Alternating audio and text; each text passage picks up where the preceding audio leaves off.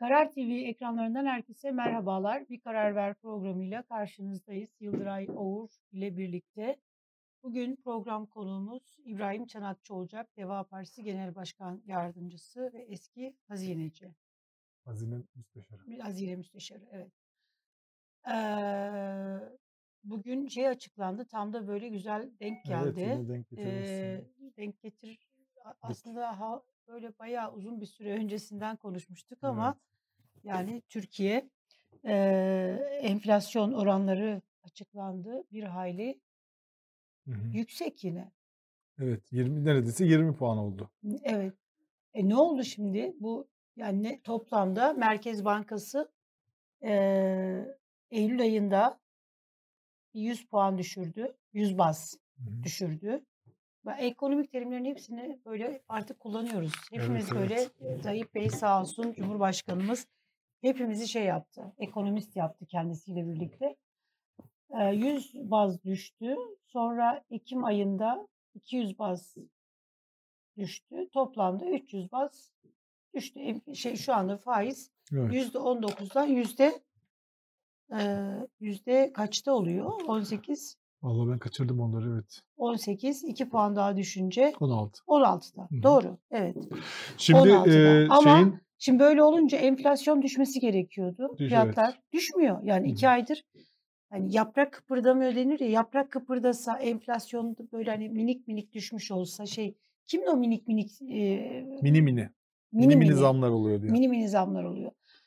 Mini mini böyle e, şeyler düşse, enflasyon oranı mini mini düşmüş olsa hani diyeceğiz ki ha gayret birazcık daha düşünce olacak bu iş diren. Hı hı. Hani ama e, bana Evet. mı şey geliyor? Sen devam et. Yani e, ol, olmuyor. Evet. E, Erdoğan'ın teorisi E, ENAK diye bir şey var hı hı, biliyorsun. Yani hı. TÜİK e, rakamlarına güvenilmediği için bir evet. grup e, profesör, akademisyen Hı hı, bir alternatif bir şey yapıyorlar. Enflasyon tahmini. hı hı. Onların oranı Evet. e, bir anda önümden düştü. Kerim Ruta'yı da kaybetmek istemiyorum. Çünkü o da çok ilginç bir şey yazmış. Dün bir de ha şeyde Onlarınki yüzde televizyonda 49, Hı hı, 49'a geliyor yani. Yüzde 50 neredeyse hı yüzde hı. 50. Evet. E, TÜİK'inki de yüzde 20'ye neredeyse gelmiş. Ama TÜİK'in düzeltili, düzelttiğini düş, şey yapalım yani onu bir Evet yani TÜİK rakam olarak. Ama burada e, Kerim Rota e, çok ilginç bir veri paylaşmış. Diyor ki TÜİK'e göre enflasyon yüzde 19.89 iken Hı tavuk hı. eti yani Ekim ayı şeyde yüzde 68, evet. makarna yüzde 49, süt Hı ve hı. süt ürünleri yüzde 37, yumurta yüzde 47, margarin yüzde 50, patates yüzde 70 artmış fiyatı. Oo. Yıllık e, şeyi. Yurt dışı tatili yüzde 4, resmi evrak üc- ücreti ise yüzde 58 düşmüş diyor. O halde diyor kendi enflasyonumuzu TÜİK'e uydurmak için hemen pasaport çıkarıp yurt dışı tatile gitmemiz gerekiyor. Çünkü böyle bir paket şey ya bu sepet ya. hı. Bu sepetin içerisinde bir sürü şey var. Mesela işte yurt dışı tatil de var, patates de var. Hı hı. Evrak ücreti de var, süt ve yumur, yoğurt da var. Yani normal bazı kalemlerde büyük fiyat art düşüşleri yapılarak Hı o sepetin ortalaması düşürülmüş oluyor. Evet. Halbuki vatandaşı ilgilendiren esas gıda ürünlerinde gıda, giyim, işte temel ihtiyaç maddeleri dediğimiz şeyler. Buralarda enflasyon %50'nin üzerinde her şeyde artışlar. Yani hepimiz yaşadığı artışlar %40, %50'nin üzerinde. O yüzden böyle bir numara bu aslında yani. Sepete bir sürü saçma sapan bizim Hı hı. hayatımızı doğrudan ilgilendirmeyen, saçma sapan Evet. demeyelim de hani doğrudan hayatımızı ilgilendirmeyen Yo saçma sapan bir sürü madde. Daha böyle lüks maddeler, lüks şeyler, hı. tüketim harcamaları falan. Oralarda bir takım düşüşlerle böyle bir dengeleme yapılıyor. %20 bile çok yüksek ama yani Hı TÜİK'in açıkladığı %20 muhtemelen şu an Türkiye herhalde İbrahim Bey bize daha iyi anlatır. Anlatır evet. Yani o zaten çok yukarılardaydı. İyice basamak yani en yüksek enflasyonu olan ülkeler basamaklarında bayağı bir yukarılara doğru çıkmış olabilir. Evet. Allah herkese kolaylık versin. Ya e, arkadaşlar bu Abbas TV var. Abbas TV'nin tweet mesajlarını silmeyin. Kendi kendine gayet güzel eğleniyor, eğlensin. Mesajlar atıyor. E, başka yere de gitmesin, dinlesin. Belki hani böyle hani bir şey yapar, aydınlanma yaşayabilir. Eee şeyi gördün mü? Enerji Bakanı. AK Partili böyle yani bakanlarda, Enerji Bakanımız var milletvekillerinde Ben varmış. bile Ben ismini de yeni bugün öğrendim Enerji Bakanı'nın. Eee, bu da bizim ayıbımız mı diyeyim bilmiyorum ama ya şuraya Yıldıray şey ya- yapalım mı? AK Partili milletvekillerinde, bakanlarda bugün diye Hmm. bir şey yapsak. Bak mesela Enerji Bakanı Fatih Dönmez eee, elektrik ve doğalgaza para yetiştiremeyen halka bu sabah gazetesini okumuş bence. Oradaki o haberi de cin fikir olarak görmüş. Şey vardı ya hani buzdolabını işte e, şu kadar ütü yaparsanız e, ütüye bu kadar, Evet. buzdolabını şu kadar, çamaşır Klima çok makinesini çalıştırdığın için elektrik klima çok parası evet çok veriyorsunuz diye. çalıştırırsanız, televizyonunuz işte hani şöyleyse filan diye bir sabah gazetesinde haber vardı. Evet. Hani öneriler. Çıkmış. Evet bunu Enerji Bakanımız Sayın Fatih Dönmez okumuş olmalı ki ona da böyle gayet güzel böyle hani israf böyle hani şeyiyle em, demiş ki elektrik ve doğalgaz vanalarını derecesini indirin. Bak sabah gazetesinin haberini okudun nereden E, anladın? doğalgazları şey değil Diyor miydi? ki Açın doğalgazları değil miydi? klimanın klima derecesini yükseltin demiş. Doğalgaz bulunmuştu hani bir arkadaş var böyle ko- komik Ne, nerede? tweet şeyde sosyal medyada bir arkadaş var ya böyle açın doğalgazları onu bilmiyor Hı. musun sen? Yok. Açın sonuna kadar doğalgazları artık doğalgaz ülkesiyiz. Aa, Hemşerim var bir tane biliyor musun onu? Benim hemşerim mi? Benim Ha senin hemşerin. benim hemşerilerim yapar böyle şeyleri. Senin hemşerilerin sakin insanlar genelde. Yok. Benimkilerde de var bir şeyler ama neyse.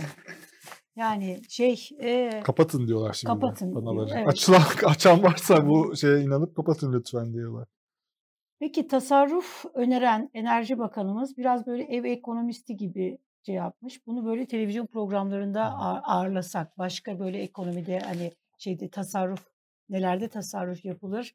Hangi konularda tasarruf böyle hani yollarını bize öğretse? Yani bunun eee, bence iyi olur. Enerji Bakanlığı 2017'de tüketime yönelik mal ve malzeme alımı için 1.2 milyar harcamış. Bu rakam geçen yıl yani 2020 yılında 2.4 milyar olmuş. Harcamaları ikiye katlamış. Tasarruf yapmamış yani ama Sayın Bakan'ın parası var şimdi bu Sözcü gazetesi yani haberi yapan arkadaşımız biraz böyle haksızlık yapmış. Böyle gazetecilik olmaz bence. Şimdi bakan eee doğalgaz, elektriğe para yetiştiremiyoruz diyenlere tasarruf yapın diyor. Parası olanlara bir şey demiyor ki. Bakanlığın parası var. İstediği kadar masrafları da artırır.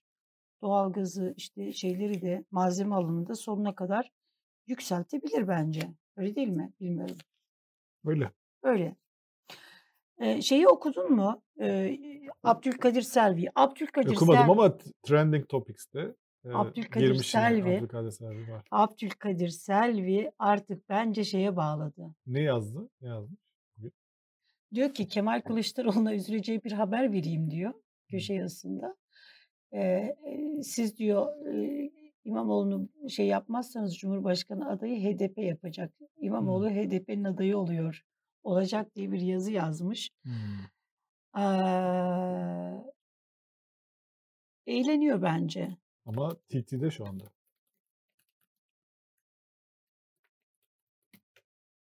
TT'de eğleniyor bence. Zaytung'a bağladı.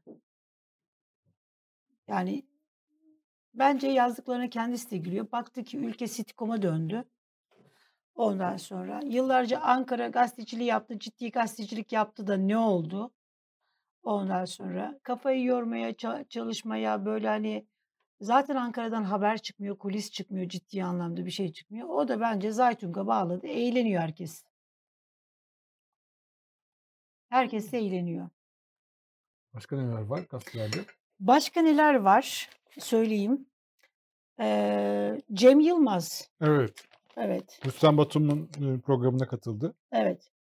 Cem Yılmaz da isyan etti. Hı. Önce Can Paker dört buçuk yıl e, aradan sonra e, şeyler söyledi. Evet. Evet. Cem Yılmaz e, Kavala ve Demirtaş Hı meselesi hı. hakkında ne düşünüyorsun diye sordu Rüstem Batum. O da Evet. normal evrensel standartların uygulandığı bir ülkede böyle şeyler olmaması lazım dedi. Hı hı. E, epey de şey oldu, büyük bir tartışma oldu Hı yani. hı. Dün, dünden beri böyle bir tartışma var. Evet. Ee, ya bir şey var şimdi bunu anlatsam, bahsetsem, bahsetmesem diye emin olamadım ama en Sen ne- bahset. Ne, neden ben yani kimsiz... TT deyince şimdi baktım e, TT şeyine. Şimdi Hı hı. e, şimdi bunlar çok dün geceden beri bir şey var işte Cumhurbaşkanı'nın hastalığı falan gibi, Ha, gibi şeyler evet. var. E, böyle işte TT'de de işte bir kutlama havasında şeyler var. Hı hı. İşte ona cevap veriliyor. İşte Bunu şeyler herhalde AK bir de Partiler. Aykut Erdoğdu mu yazmış? Öyle şeyler de var. CHP milletvekili. Evet o e, Yazdı işte bunu? seçim sandığı yok o pozitif bir şey. Yani böyle yapmayın yani böyle siyaset olmaz manasında bir şey yaptı. Yani biz onu biz yani seçim sandığında biz şey yapacağız hesaplaşacağız. Böyle insanların Ha. hayatıyla ilgili böyle şeyler yazmayın diye. Tepki gösterenler de oldu ama hani insani tarafı artık hani insanlara bunu anlatacak şeyimiz yok yani hani ahlaken böyle bir şeyin üzerinden bu kadar tepinmenin e, ki böyle bir haber Evet. de yok yani ortada yani bir gerçek olup olmadığı ile ilgili herhangi bir şey yok. Yani programı işte e, grup toplantısı yapma, yap, bazen yapmıyorlar mesela. AK Parti her hafta grup toplantısı yapmıyor. Bazı haftalar yapıyor, bazı hı. haftalar yapmıyor. Başka programlar oluyor falan. E, bunun üzerinden işte Cumhurbaşkanı'nın işte sağlığı ile ilgili işte takım şeyler. Hani ahlaki kısmını e, şey yaptım artık herkes onu kendisi değerlendirsin de Hı hı. e, siyaseten de bu yani muhalif arkadaşların bu yaptığı şey siyaseten de Hı hı. yanlış. Evet. Yani bu bunun Bir de karşı tarafta ne yarattığının e, farkında değiller. Nasıl bir tepki, öfke. Hı. Hani çünkü çok şey hali yani böyle bayağı birisinin hayatı üzerine tepinmek bu. Evet. E, Yani böyle değil yani. Hani siyaseten konuşulacak bir sürü şey var. Hukuk var, ekonomi var. Değil mi? Yani konu bu bir siyaset. Seçim de oluyor. Seçim olacak yakında. İşte muhalefet de iyi görünüyor anketlerde. İlk defa yani 20 yıl sonra ilk defa muhalefetin önde anketlerde en azından muhalefet ittifakının önde olduğu bir seçime Evet. doğru gidiyoruz. Eğer şey hı. değişmezse tabii ne olacağını bilmiyoruz ama hani böyle bir şeyde bu kadar çaresizce insan hayatıyla şey yapmak yani buradan ümit var olmak, bir insanın acısı üzerinden ümit var Evet. olmak ki böyle bir haberde şey yok yani hiçbir yerde normal muhalif şeylerde de yok yani. Hani bir takım karakterler var böyle sosyal medyada. Onlar böyle üfürüyorlar bir şeyler. Birileri de bunları haber olarak yapıyor. Ayıp yani gerçekten bunu yapmak. Şimdi Bunu yapmayın e, gerçekten ve bu siyaseten hani ahlaken kısmını geçtim. Evet. Tamam Türkiye çok öfkeli bir halde, çok kutuplaşma var. Herkes her şeyi herkes her şeyi söylüyor. Yani hiçbir dilin şeyi yok, hiçbir ahlak standart yok, siyasi standart yok. Ama yani e, başkasının öyle standardı olmaması sizi kimsenin ahlaksızın meşrulaştırmıyor. Yani herkes Evet. kendi ahlakıyla e, mesul. E, siyaseten de doğru değil yani bunu yapmaları. Muhalif olarak düşünüyorlarsa bu iyi bir şey değil yani. Böyle e, bu tavır e, karşı tarafta e, e, tepki yaratacak bir şey. Çünkü çok şey görünüyor. İnsan insan şeyinin de artık yani standartların da dışında bir siyasi atmosfer ortaya çıkarsa böyle yaşamsal bir kavgaya dönüşürse bu herkes kendi pozisyonunu alır burada. O yüzden yani bu TT okuyunca hem üzülüyorum Şimdi hem tane Türkiye'nin geldiği hale üzülüyorum hem de hani Evet. muhalif kesimin de öfkesi korkutucu boyutlara vardığını görüyorum. şimdi bir tane izleyicimiz Omep Rozol diyor ki insanların boğazına kadar geldi. Dualarının gerçekleştiğini umarak sevindiler. Ne var bunda? Şu var. Böyle dua olmaz Sevgili ya. Kimse böyle arkadaşım, bir dua kardeşim, etmez. Böyle dua e, olmaz hanımefendi misin, e- e- erkek misin bilmiyorum. Ama şu var. e, bunun için mücadele edersin. Evet, Erdoğansız bir Türkiye isteyebilirsin. Bu ülkede hani siyasi partilerde bunun için var. Bir liderin, siyasi liderin hastalanmasının haber değeri var. Yani her şeyi kamuya, kamuya mal olan insanların eee, haber değeri vardır. Hastalığını duyabilirsin. Fakat yani böyle insanların hayatıyla alakalı duaları gerçekleştiğini işte düşünerek sevindilerse demek bunlar insani şeyler değil. Bu olmaz yani. İnsan olmak başka bir şey. Yani eee, insan olmayı öğrenirsin. Eee, ama bu insanlığa sığmaz. E, erkeksen adamlığa sığmaz. Doğru değil bunlar. Bir, Yani bir liderden, bir partiden kurtulmak için oyunu verirsin. Halkı bilinçlendirmek için yanlış bulduğun şeyleri anlatırsın. zaten şu anda da Evet, siyaseten de doğru bir muhalefet şekilde daha iyi anlatırsın. görünüyor. Zaten bu ülkenin en büyük sorunu yani 90'lı yıllarda işte o kartel medyası diyorduk. Fil dişi kulelerden halkın sorunlarını, halkın dinamiklerini anlamayan bir medya yapısı vardı. Eee, halktan uzaktı, toplumsal mühendislik yapıyordu. Biz bunların doğru olmadığını anlatıldı. Eee, istemediğin hani o siyasi konjonktür değişsin diye çalışma yapabilirsin. Gidip bir siyasi partide çalışabilirsin. Çok özür diliyorum. Elin kalem tutuyorsa yazı yazabilirsin. Ama bütün bunları yaparken makul elden bırakmamak lazım. Makul elden bırakmamak ne demek? Oraya oy veren kitleleri incitecek eee, bir şey yapmaman lazım. Aşağılamamak lazım. İşte yani çok özür diliyorum. Ölsün gitsin ya da bilmem ne yapsın. Bunlar Twitter'da böyle hani şeyler dolaştığı için eee, bunlara girmemek lazım. Bunlar eee, ayıp bile değil. Yani bunlar çok emm, nasıl söyleyeyim? İnsanlık dışı şeyler. Bir şey Ülkeye hatırlatmış. yakışmaz. Ecevit'le ilgili Erdoğan da işte Evet. yaşlandı çekilsin diye. O Eee, da yanlıştı. evet orada da evet o O da da ya kimseyi doğrulamaz. Evet. Ama e, yani e, tamam Ecevit gerçekten böyle artık Hı hı. hareket edilmez haldeydi. Eee, fakat o zamanlar da çok çirkin şeyler yapıldı bununla ilgili Evet. biliyorsan. Bir Emin Çalışan'ın korkunç bir yazısı vardı. Eee, Evet, evet, işte evet. bisküviyle besliyor Rahşan şey, hanım e, Bülent Bey'i. Evet. İşte temizlenmiyor cildi o yüzden pisliklerle dolu falan. Korkunç bir yazı. Yani ben hani hı. okuduğumda böyle irkilmiştim. Bir de hani o bir de o taraftan insanlar bunlar. Sırf hani orada yönetimi değiştirmek için şeyin DSP yönetimini hı. değiştirmek istiyorlardı. Hani orada işte İsmail Cem, işte hı. Öztürk. Öyle bir ekip vardı ya sonra Evet, ayrıldılar o evet. partiden. Korkunç bir şeydi yani. Hani bu bunlar hatıralarda kalır. Mesela bu yazı unutulmuyor yani. Hani Evet. hastalıkla ilgili. Ne olursa olsun yani şey olur. Sonuçta Cumhurbaşkanı işte kaç tane seyahate gidiyor. Geliyor toplantılara katılıyor. Evet yani sonuçta yaşı şey oluyor. Bazı bilmiyoruz. Yoruluyor, Yoruluyor. yorgun, Hastalıkları da olabilir. Onu da bilmiyoruz. Yani İnsani eskiden bir bunlar. ameliyat da olmuştu. Ama sonuçta işini ya- yapıyor. Televizyonlara çıkıyor, konuşuyor. İşte yani Evet. şey değil yani böyle işini yapamayacak durumda bir durum şeyi yok yani. Bir de ne olacak yani birisinin hastalığına, ondan sonra birisinin hayatıyla ilgili bir duruma sevmiyorsunuz diye sevinilir mi? Yani o zaman işte bu ülkede yani ülke niye hukuk devleti rayına oturmuyor? Neden adalet gelmiyor? Çünkü hep böyle duygular üzerinden hareket edildiği için. Evet. Yani benim sevmediğim birisinin başına bir adaletsizlik geldiği zaman o zaman şey yapıyorsun. Oh olsun filan diyorsun. Bunun bundan bir farkı yok. Evet. Bu böyle değil ama. Yani biz herkes için en sevmediğimiz insanlar için de adaleti talep edersek en sev Belli yani sevmek zorunda değiliz. korumamız lazım. Yoksa Aynı yani ideolojileri ortalık paylaşmak durumunda şeyinden. değiliz.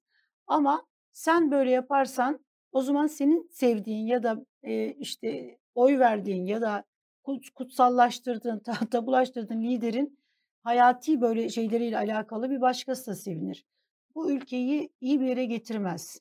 Yani önce toplum normalleşecek ki o zaman işte bu kutuplaşma olmayacak. Yani liderler eğer toplum olarak biz iyi bir yerde olursak, birey haline gelirsek, Evet. eğitim Evet. kalitemizi Evet. yükseltirsek Yeterince Ve- evet. Yani bu olursa o zaman bu ülkede hiçbir siyasi iktidar gelip de bu ülkeyi böyle kutuplaştıramaz, düşmanlaştıramaz. Hizmet siyaseti yürür, ideoloji siyaseti geri planda kalır. Bırakın yani bu işleri. Bunlar doğru şeyler değil. Yani e, bir de hoş bir insan görüntüsü de değil. Onun Evet, adı tamam. da dua değil yani beddua. Beddua döner dolaşır hani böyle büyüklerimiz şey söyler ya. Bahçeli girdi böyle içime. eee, dönür döner dolaşır sana gelir filan diye. Bunlar Cumhuriyet ufak şeyler. Gazetesi'nde ne kadar çok şey çıkıyor farkında mısın? Yani sürekli bir manşetten e, düzelt o kadar çok mahkeme karar veriliyor ki Evet. yaptıkları haberlerle ilgili. Yani e, bunlar sonuçta okuyorsun mesela haberi. Ben mesela baktım bu hı. habere. E, güzel bir haber yapmışlar yani sonuçta bu iddialar dillendirilebilir. Ne kadar çabuk veriliyor bu mahkeme kararları yani. Hemen böyle aleyhte olunca pat diye hemen de manşetten istiyorlar. Çünkü manşetten de yayınlamayınca sorunlar çıkabiliyor biliyorsun. Hani Tabii tabii tabii. şeyler oluyor. Şimdi şeyler Sezgin kesiliyor falan. ne kadar güzel anlattı değil mi? Yargı Gerçekten. nerede hızlı işliyor, nerede böyle hani işlemiyor. Hızlı işlediği yerler var. Al böyle. Eee, ve işte yargı yargının siyasallaşması buna diyoruz.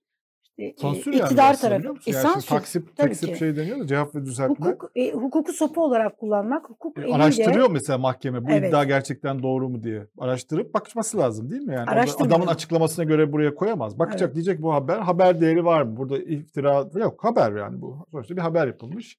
Açıklamasını da gönderir. Onlar da yayınlıyordur muhtemelen. İlle de bu manşetten böyle yayınlanıyor. Şöyle gösteriyorum da ha- Evet. neredeyse haftada birkaç gün böyle çıkıyor Cumhuriyet siyasallaşmış yargı.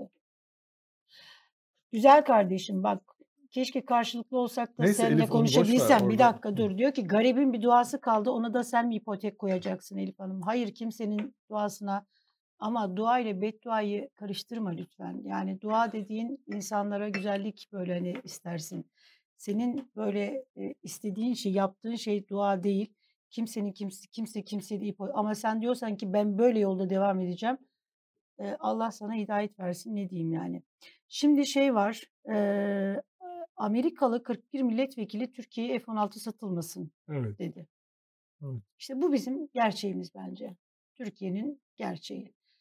F-35'lerden çıktık. S-400'ler yine daha iyi bir teknolojiden. Şimdi kaldık.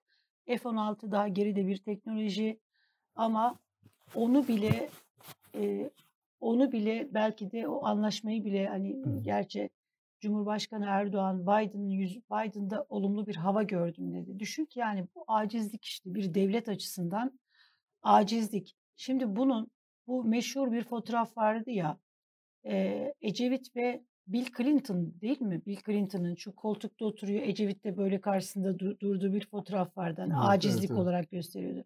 Şimdi ha o koltukta oturduk. Türkiye hani acizlik Hı diyoruz. hı. Ha da burada böyle bir böyle iyilik ister gibi olumlu hava gördük. Oh oh ne kadar mutluyuz havası. Ha o koltukta oturdun bir acizlik görüntüsü hani o karşısında durdun bir acizlik görüntüsü. Ha bu haldeyiz. İkisinin bence birbirinden bir farkı yok. Evet. Yani bunu eleştirebiliriz. Bunu muhalefet e, eleştirir işte. Siz de eleştirin. Yani neden böyle? Böyle devlet yönetilir mi? diye eleştirebiliriz. Evet. Ee, birazdan e, Sayın İbrahim Çanakçı bizlerle beraber olacak. Kendisiyle daha çok işte hani ekonomiyi konuşacağız. Bu Biden demişken Kemal Kılıçdaroğlu'nun bir şeyi var. Ben de çok gülümsedim böyle. Şey söyledi ya yani Biden gülecek mi? Biden gülümsedi. Şimdi şey söylemiş mutfak yanıyor. Hı hı. Erdoğan'ın tek derdi Biden bana gülecek mi? Güzel bir şey. Evet. Bu Devlet Bahçeli'nin dünkü şeyini nasıl algıladın Yıldıray? Ne, yap, ne yaptı? Ee, şimdi AK Parti'nin tepdili kıyafetli ekibi sahalarda ekonomik kriz var mı yok mu raporlayacaklar. Tepdili kıyafet. Yani bunun böyle altını çizmek lazım. Bu dönemin en böyle sembolik şeylerinden, söylemlerinden birisi olacak. Devlet Bahçeli de e, heyetini Anadolu'ya gönderip e, CHP'nin kötülüklerini anlatacaklarmış. CHP nasıl yalan söylüyor, nasıl Evet. halkı kandırıyor. HDP ile işte işbirliği Nasıl yapıyor bir şey bu. Heyet göndermek. Heyet Anadolu yani. Anadolu neresi oluyor acaba? Bu nasıl bir dil ya? Bana anlatsana Yani Yıldıray. Anadolu'ya heyet göndermek. Yani. Anadolu'ya heyet göndermek. Böyle Heyet. Çin'e Yani falan birisi- gönderilir ne bileyim Uygurlar için Çin'e gönderilir. Şimdi birisi heyet. tepdili kıyafet diyor. Birisi heyet Anadolu'da diyor. zaten MHP'liler var ya. heyet yerde. çıkartıyoruz diyor, gönderiyoruz, heyet çıkartıyoruz. Nasıl nasıl yani bu bu nasıl bir şey? Şimdi Devlet Bahçeli ekonomist birisi. İktisatçı yani. Tabii. Ayrıca da akademisyen, Gazi iktisatçı. İktisat. Evet. Yani ülkede bu kadar eee, ülkede bu kadar eee, ekonomik kriz var. Hani bir ekmek şeyleri askıya ekmek çıkartmıştı. Ne oldu? Evet. Para mı bitti? O ekmek ekmekler neden o askıdan indi? İhtiyaç yok. İhtiyaç mı kalmadı? Hı. Ekonomi Ondan düzelince. sonra eee, Yani böyle herhalde oy alamaz yani sonuçta MHP'de bir parti sonuçta tek başına girecek yani hani AK Parti'yle giriyor ama e, şeyde e, mühürde bir MHP şeyi de var. İnsanlar e, şey yapacaklar. Ne anlatacak mesela MHP ne diyecek? Diyelim AK Parti CHP ekonomik olarak kötü. eleştirilecek. E, CHP, MHP de ha. eleştirecek çünkü savunuyorlar yani ekonomik programı e, sonuçta savundular. E, işte Berat Albayrak da savundular. Bütün ekonomiye saldırı olduğunu söylediler. AK Parti'den daha fazla e, yaptılar yani bunu. Şimdi Anadolu'ya gittiklerinde herhalde insanlar e, bu sorunları Anadolu'ya niye gidiyorlar zaten? Bir de öyle bir şey var. Bu sonuçta her yerde teşkilatı olan 50 yıllık, 60 yıllık bir parti. O zaten Evet. oradaki insanlar biliyorlar zaten ne olduklarını. Yani MHP'liler zaten. Hani Hayır orta sınıf en yerine fazla insanlar şimdi yani. mesela Hani bunlar Devlet Bahçeli yani bir parti sonuçta yani siyasi parti oylarını artırmak yani AK Partili iktidar olmayan, iktidar ortağı olmayı faydaya çevirebilirdi. Ne yapabilirdi? Yani öyle şeyler yapardı ki şu, şu olabilirdi. Ya Devlet Bahçeli sayesinde işte bakın AK Parti adaletsizlik yani olan var olan adaletsizlikleri bitirdi. Hı hı. Ee, ekonomik işte kriz Şey diyecek yaptırıyor. işte bölücülük, Yani bu bölücülük, bütün- HDP'li ittifak, Ha, bu- İyi Parti ile CHP, HDP'li ittifak. Başka bir şey söylemeyecek herhalde seçimde. Bunun üzerine kuracak. Bunu bunları söylese aslında bir kazanım da yani fayda da sağlar. Devlet Bahçeli güzel dualar alır. Hani şey Yani halk- ekonomi sorunlarına dikkat çekse. Dikkat çekse. Evet. Adaletsizlik e, işte hani adaletsizliklere Oraları geçtik etse. herhalde ya. O Rubicon geçildi herhalde. Artık o Ge- öyle bir şey kalmadı. Yani geri dönüş ya o zaman ittifakı bitirmesi lazım. Öyle bir eleştiri yaptığında e, ittifaka zarar vermiş olur. Çünkü Hı hı. ekonomik eleştiri yapmaya başladığı andan itibaren. Hı hı. Evet. Seni buraya alalım, mı Alalım. Yıldıray? Alalım. Gazetelerimizde Ee, de pek bir şey yoktu zaten. evet. Konumuz da bitmişti. Konumuz bitmedi aslında. Habertürk gazetesinde bugün Sen- internet haber Sen güzel bir yazı yazdın. bugün Bunu ben evet ya ben güzel bir yazı yazdım da sormanı bekliyorum ama sen hiç bana benim yazımı sormuyorsun. Ee, Habertürk gazetesinde bugün Muharrem Sarıkaya bir yazı yazdı. Muharrem Sarıkaya'nın yazısı. İbrahim Bey hoş geldiniz. Hoş bulduk. Ee, bu yazıyı okuyacağım ve size bununla alakalı da fikrinizi sormak istiyorum. Biliyorsunuz e, şu anda AK Parti ve CHP arasında e, bir bürokratları uyarma işte hani tehdit etti uyardı tartışması var. E, Kemal Kılıçdaroğlu bir süredir bununla alakalı Merkez Bankası'na da gitti. İki e, e, Merkez Bankası'ndaki iki başkan yardımcısı ve bir para politikaları üyesi görevden e, alındığının ertesi gün Merkez Bankası'na gitti ve orayla konuştu. E, bir bilgi aldı. Bu da çok tartışıldı ve uzunca zamandır da Kemal Kılıçdaroğlu devletteki bürokrasiyi uyarılar yapıyor. Diyor ki hukuksuzlukların altına imza atmayın. Yanlış kararların altına imza atmayın. İktidarlar gider, o imzalar sizinle beraber kalır. Siz bunların hesabını verirsiniz diyordu. Ee, Cumhurbaşkanı Erdoğan bunun bir darbe dilini o, olduğunu ve bunun bürokrasiyi tehdit etmek olduğunu söyledi. Şimdi bunun bir tehdit dili midir, değil midir bunu da soracağım. Fakat bu şey e, Muharrem Sarıkaya bazı e, bürokratlarla böyle hani konuşmuş E, ve o bürokratların içerisinde birisi şey söylemiş. E, Kemal Bey'in bu sözleri e, bürokrasiyi etkiliyor. Bürokrasi daha önce ne talimat gelirse yapıyordu. Kemal Bey'in bu çıkışları sonrası temkinli davranmaya başladılar. Yarın başlarına bir, gele- bir iş geleceğinden endişe ediyorlar. Bunu yazmış. E, Nasıl karşıladınız siz o Siz- çıkışı? Siz de Evet. eski bir bürokrat olarak. Evet. siz bürokraside olarak olsaydınız, Evet. halen devam Böyle ediyor bir hava oluyor mu olsaydınız. mesela bürokraside iktidar diyelim bir seçime doğru giderken hı. iktidar değişebilir mi acaba biz de ona göre pozisyon alalım gibi bir yani öyle bürokrasi ilk kokuyu bürokrasi alır denir, denir ya. Siz nasıl şey yaptınız bunu Yani yorumladınız? mutlaka etkisi oluyordur. Hiç etkisi olmuyor demek mümkün değil. Tabii ki e, hani biraz bir de özellikle şimdi AK Parti dönemini ele alırsak 20 ile 20 yıla yakın bir iktidar dönemi söz konusu.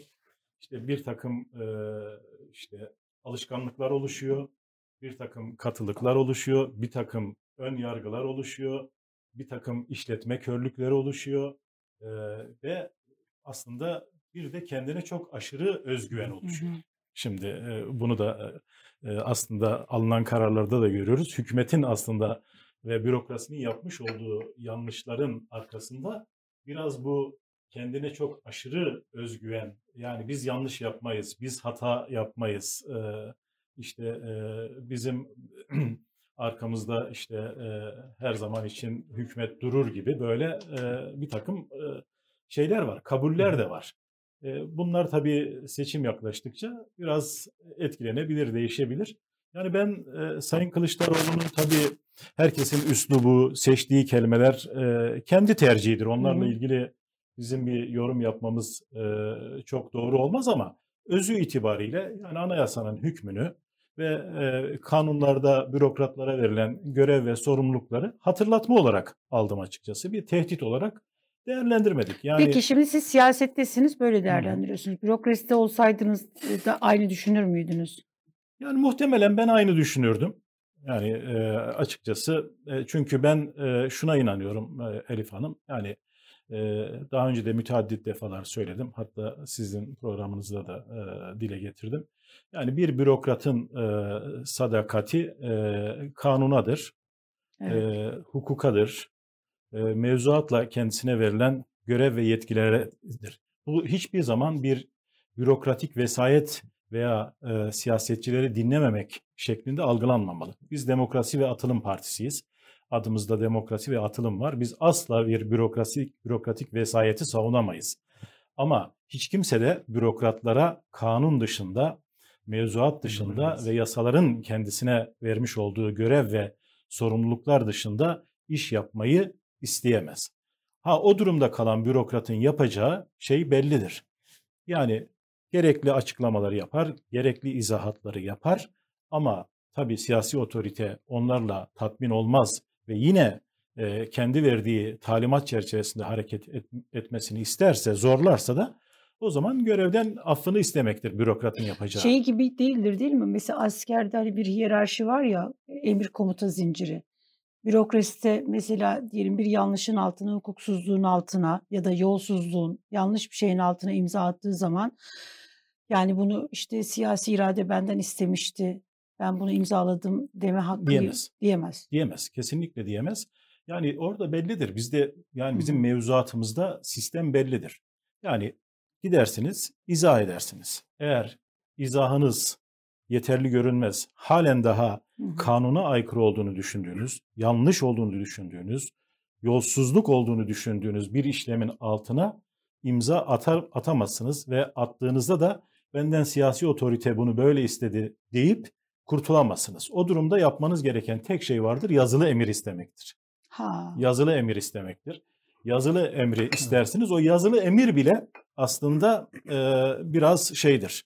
Yine sizi kurtarmaya yetmez. Yani bunun geçmişte bürokraside e, yaşanmış örnekleri vardır. Mesela işte Mesela özelleştirme idaresinde e, işte Sayın Uğur Bayar ve Tansu Hanım hı. arasında e, böyle bir e, hadise olmuştu. O zaman yazılı e, emir e, istenmişti. E, bu bürokraside olur zaman zaman. Hı hı. E, yani dolayısıyla burada e, dediğim gibi ama öncelikle tabii bürokratların e, Elif Hanım kendilerini e, çok iyi e, bir şekilde anlatmaları lazım, anlatabilmeleri lazım. Siyasetçiyi ikna edebilmeleri lazım. Yani biraz problemin bir kısmı da aslında şöyle karşılıklı oluyor. Şimdi son dönemlerde liyakat ciddi şekilde zayıfladı. Şimdi gidip olayı, hadiseyi e, siyasetçiye anlatacak, e, böyle dört başı mamur anlatacak bir e, bürokratik kadro da maalesef kalmadı. Böyle Evet. bir durumda, böyle bir sıkıntı. Bunun en bariz örneğini Merkez Bankası'nda yaşıyoruz. Belki biraz sonra gireriz hani Tabii. enflasyon Evet. rakamları, diğer Hı hı. e, veriler üzerinden. E şimdi biz de yıllarca e, işte e, 2003'ten itibaren kaç tane küresel kriz gördük, e, yerel e, sıkıntılar gördük. Her birinde onlarla ilgili detaylı açıklamalar, detaylı hazırlıklar ve o kurumları çalıştırarak, bakın en önemlisi de o kurumları çalıştırarak. Sadece kendi bildiğinizde, kendi inandığınızla değil, kurumları da çalıştırarak, kendi kurumunuzu da e, işin içine katarak, o kurumsal kapasiteyi de kullanarak açıklamalar, izahatlar götürüp siyasetçiye bakın böyle yaparsanız neticesi bu olur. Böyle yaparsanız neticesi bu olur. Yani burada bürokratın görevi tabii kendini siyasetçinin yerine koymak değildir. Asla böyle bir şey olmaması lazım. Bürokratın görevi siyasetçinin doğru karar alabilmesini sağlayacak altyapıyı oluşturmaktır. Buradaki hata nereden kaynaklanıyor? Şimdi aslında hani şey sorunu bu hani Osmanlı'da da, da gelen bir hani bürokrat sorunu var ya. Hani her iktidar kendi bürokratını getirir, kendi bürokratıyla çalışır. Dolayısıyla orada bir iktidara bağımlılık da var aslında. e, iktidar partilerine bir bağımlılık da var. Şimdi bürokrasi mesela siyasi iktidar karşısında koruma altına alan bir mevzuat yasal düzenleme bir şey var mı? Mesela yanlış bir şey imza atmak istemediği zaman. Yani yasalar var tabii. Yani, yasa, Yani tek hani, mesela şey yazılı emir istemesi ya Tabii. da istifa etmesi seçeneği midir? E tabii ki. E tabii ki. Yani eğer siyasetçi e, yanlış e, talimatta ısrar ediyorsa, ısrar ediyorsa veyahut da görevden alınır. Yani şey budur. Ama burada yanlış, yani üst düzey bürokratların değişmesinde bir sıkıntı yok. Hı. Yani üst düzey bürokratlar e, şeyle beraber, iktidarla beraber değişebilir. Burada bence yanlış, hata aslında kurumları çalıştırmakta, kurumların kapasitesinden faydalanmakta e, ortaya çıkıyor. Yani bürokrat değişebilir, üst düzey bürokrat iktidarla beraber ama orada bir kurum var. O kurumun aklını kullanabilmek, o kurumsal aklı kullanabilmek. Biraz problem orada ortaya çıkıyor. Yani son dönemde de yaşanan sıkıntıların arkasında bu var. Yani şimdi şunu kabul etmek lazım. Hiç kimsenin aklı, hiç kimsenin aklı iyi çalışan, düzgün çalışan bir kurumun aklından daha ileri değildir. Yani bu şu demek değil. Liderlik, vizyon, perspektif Hı e, verilemez. Olmalı. Siyasetçinin görevi, üst düzey bürokratın görevi tabii ki ne yapmaktır? Hı hı. Kurumlara vizyon vermektir, perspektif vermektir.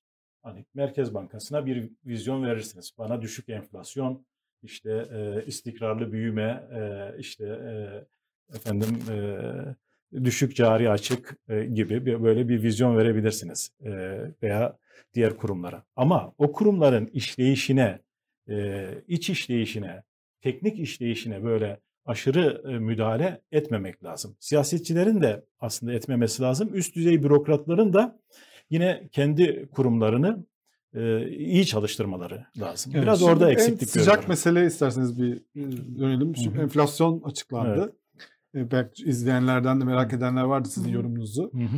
E, TÜİK rakamlarına göre %19.89'a çıktı Doğru. yıllık enflasyon. ENAK diye bir alternatif Enflasyon araştırma grubu. grubu var. Ona göre de 49 nokta- 49.87'ye 87. çıktı. Neredeyse %20 TÜİK rakamlarına göre. Evet. E, bu beklendik bir rakam mı şu anda açıklanan böyle bir ipin ucu kaçmış gibi bir hava mı var nedir yani bir şey kontrol altına alınabilecek gibi gur- Şimdi duruyor. Enflasyonla değerlendirin bize. ilgili Yıldıray Bey bir konuşmaya başlasak Evet, belki herhalde birkaç, yani. birkaç program e, sürer diye düşünüyorum. Ama Ama siz yine de bizim anlayabileceğimiz tam o şekilde şey yapayım, anlatın. anlatmaya Tamam, çalışayım. ekonomistler Tabii. zaten anlayacaklar ama Tabii tabii. hepimiz anlayalım. Yani şöyle, şimdi bu enflasyonda geldiğimiz nokta nedir diye soracak olursanız, hani Anadolu'da bir tabir var ya, kendini göz göre göre ateşe atmak diye. evet. Yani hükümet, Sayın Cumhurbaşkanı ve Merkez Bankası ve Sayın Merkez Bankası Başkanı göz göre göre ülkeyi enflasyon hayat pahalılığı ateşinin içine attı. Göz göre göre diyorum bak. Hani bunu niye kullanırız göz göre göreyi? Hani görüyorsunuz. Ona rağmen e, atıyorsunuz kendinizi. Ne kadar durumun acıklı ve vahim e, olduğunu anlatmak için. Şimdi bu rakamları önce bir rakamları değerlendirelim. Yani %20 ne demek? %49.9 ne demek? Şimdi TÜİK tabii iki tane rakam açıklıyor. Bir Hı hı. tüketici fiyatları, Hı hı. bir üretici fiyatları. Evet. Şimdi tüketici fiyatları yıllık artışı %20. Evet. Üretici fiyatlarının yıllık artışı %46. 46 oldu değil mi o da? 46. En son rakam %46,3 hatta. Hmm. Şimdi 46,3 AK Parti iktidarının devraldığının devraldığının 10 puan üzerinde. Ve Ya tarihi 2000 rekor. 2002'de 2002'de devraldığı 2002'nin Kasım'ında devraldığı noktanın 10 puan üzerinde. 4.6 mıydı o zaman? O zaman 30 36 idi. 36 pardon. 36 ben- idi. evet, pardon. 36 idi. Şimdi 46. Şimdi bunu bir kenara Hı. koyalım. Şimdi tüketici fiyatları enflasyonu 20 de yine AK Parti döneminin tarihi rekorlarından birisi. Bir Eylül geçen 2018 Eylül'ünde bir e, %25 seviyesi var. Ondan sonraki en yüksek rakam. Ama o %25 de zaten yine AK Parti dönemindeki en yüksek rakam. Dolayısıyla e, işte ENANK e, bu enflasyon araştırma grubunun rakamı da %50. Evet. Şimdi Bu, bu e, rakamlar bu. TÜİK'in rakamları açıkçası güvenilirliğini yitirmiş durumda. Şimdi yani kimse bu %20 rakamına, yıllık enflasyon e, rakamına e, inanmıyor açıkçası. İşte en aklı aralarında neredeyse iki buçuk katı, e, yani iki katından fazla fark var. Üretici fiyatlarıyla tüketici fiyatları arasında bu kadar büyük bir fark olması da normal mi? Şimdi bu da %26.4'lük bir fark var. Bu da tarihi en yüksek rakam. Tarihi en yüksek rakam. Çünkü daha önce de böyle bu, bu derece bir fark söz konusu değil. Bu fark nereden kaynaklanıyor? Evet. Birkaç sebebi var. Bir tanesi tabii üretici fiyatları özellikle döviz kurlarına çok daha hassas. Hemen anında yansıyabiliyor. E, döviz kurlarının etkisi üretici fiyatlarına. Tüketici fiyatlarına biraz daha geç yansıyor. Farkın bir sebebi bu. İkincisi tabii üreticiler e, biraz e, kar marjlarını e, kısmak suretiyle tüketici fiyatlarına yansıması, e, tüketicilere yansıması e, biraz daha az olabiliyor. Fahiş fiyat Ama- yapmıyorlar aslında. evet, bu söylüyor mu ama- rakam onu? Ama ama bu iki rakam arasındaki e, bu kadar yüksek fark aslında biraz tüketici fiyatlarının da yanlış ölçüldüğünün de Hmm. işareti. Doğru. Onu da kabul etmek lazım. Yani çünkü üretici fiyatlarını belli yerlerden alıyorsunuz. O, ona çok şeyiniz yok ama tüketici fiyatlarına e, gidiyorsunuz işte istediğiniz e, işte marketlerden alıyorsunuz. O gün e, e, işte fiyatlar şey olabiliyor, farklı olabiliyor veya işte bir takım hani e, böyle şeyler de var, iddialar da var. İşte fiyatları değerlendiği gün baskı altında tutma şeklinde. Dolayısıyla aradaki bu kadar yüksek fark e, tüketici fiyatlarının yanlış ölçüldüğünün de bir Hmm, e, göstergesi.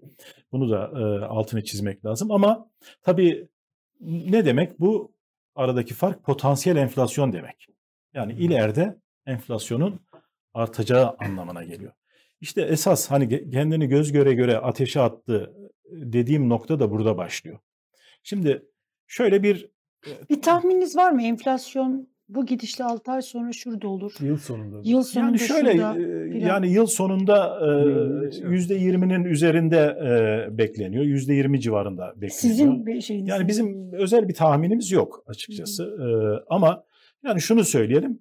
Bu politikalar altında, bu yaklaşım altında enflasyonun e, tabii düşmesini beklemek veya enflasyonda kalıcı bir iyileşme beklemek mümkün değil. Hani rahmetli Süleyman Demirel'in bir sözü vardı. Enflasyon diş macunu gibidir. Bir tüpünden çıkardığınız zaman tekrar onu geriye koymanız mümkün değil diye. Bu özellikle onu tüpünden çıkaranlar için çok geçerli. Hani onu tüpünden çıkaranlar tekrar onu geriye koyamazlar. Bir başka şey gerekiyor. Bir başka anlayış, bir başka yönetim, bir başka yaklaşım, bir başka zihniyet gerekiyor. Hı hı. Yani bu göz göre göre ateşe atmak dediğim şudur. Şöyle bir iddia vardı biliyorsunuz işte faiz sebep enflasyon neticedir. Evet. E şimdi ne oldu? Hadi faizi 3 puan düşürdünüz. Enflasyon ne oldu? Düştü mü? Enflasyon Bize bunu anlatır mısınız? Biz de arttı. bunu e, enflasyon şimdi, arttı. evet. Enflasyon artmaya devam etti. Şimdi yeteri kadar düşmediği için mi faiz? e işte şimdi e, bu kadarı yeter sanırım herhalde anlamak için. Zaten bu kadarına da gerek yoktu. Çünkü biz o tezi yani son 4 yılda, son 3,5 yılda 4 defa test ettik. O tezin çalışmadığı ortaya çıktı, e, görüldü. Şimdi şöyle bir yanlış şey de var. İşte e, bu faiz kararını eleştirenlere işte hemen bir faiz lobisi suçlaması yapılıyor biliyorsunuz. Şimdi şunun altını çizelim. Bir defa faizlerin düşük olmasını en fazla isteyecek partilerden birisi Deva Partisi'dir. Niye? Genel başkanımız yıllarca hazineden sorumlu bakan olarak görev Ama yaptı. haksızlık yapıyorsunuz İbrahim Şimdi- Bey. Tayyip Bey de istiyor Cumhurbaşkanımız da. O geleceğim ona. Şimdi e, biz e, hazinede bürokratlık yaptık. Şimdi dolayısıyla yüksek faiz e, konusunda e, bizim bir şeyimizin olması e, böyle ısrarımızın olması tabii ki söz konusu olamaz. Ama faiz hangi koşullarda düşmeli? Hangi koşullarda düşürülebilir? Merkez bankalarının faizi düşürmesi için 3 tane temel şey vardır, kriter vardır. Bir, fiili enflasyon düşüyor olacak. Yani fiili enflasyonun düşmekte olduğunu göreceksiniz. Yani böyle 2 ay, 3 ay, 4 ay falan böyle fiili enflasyonda düşüş göreceksiniz. Artış değil. Enflasyon üzerindeki riskler, baskılar azalmış olacak. Enflasyon bekleyişleri de iyileşmiş olacak. Şimdi bu koşullar gerçekleştiğinde siz faizi düşürürseniz sizin aslında diğer göstergelerinizde ne olur? İyileşir. Sizin kredibiliteniz de artar.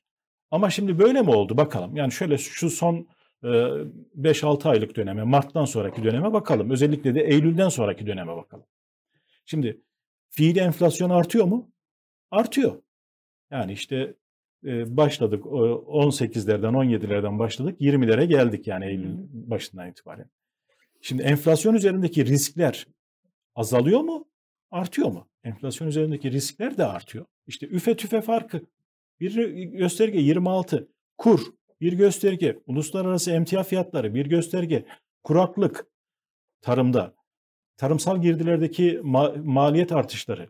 E şimdi e, yine tedarik zincirindeki tıkanıklıklar. Bunların hepsi enflasyon baskısı demek. E şimdi bu baskılar da artıyor. Şimdi enflasyon bekleyişleri iyileşiyor mu? E Merkez Bankası kendisi bizzatihi enflasyon tahminlerini sürekli Rezil. yukarıya çıkarıyor. Yani 14 dedi olmadı, 16 dedi olmadı, 18 dedi şimdi olmadı. 18 de şimdi daha birkaç gün önce açıkladı. 18 rakamı da e, gerçekçi olmaktan çıktı. E şimdi enflasyon tahminleri ve beklentileri de artıyor. Ve siz bu ortamda faizi düşürüyorsunuz ve buradan bir netice bekliyorsunuz. Ama netice ne?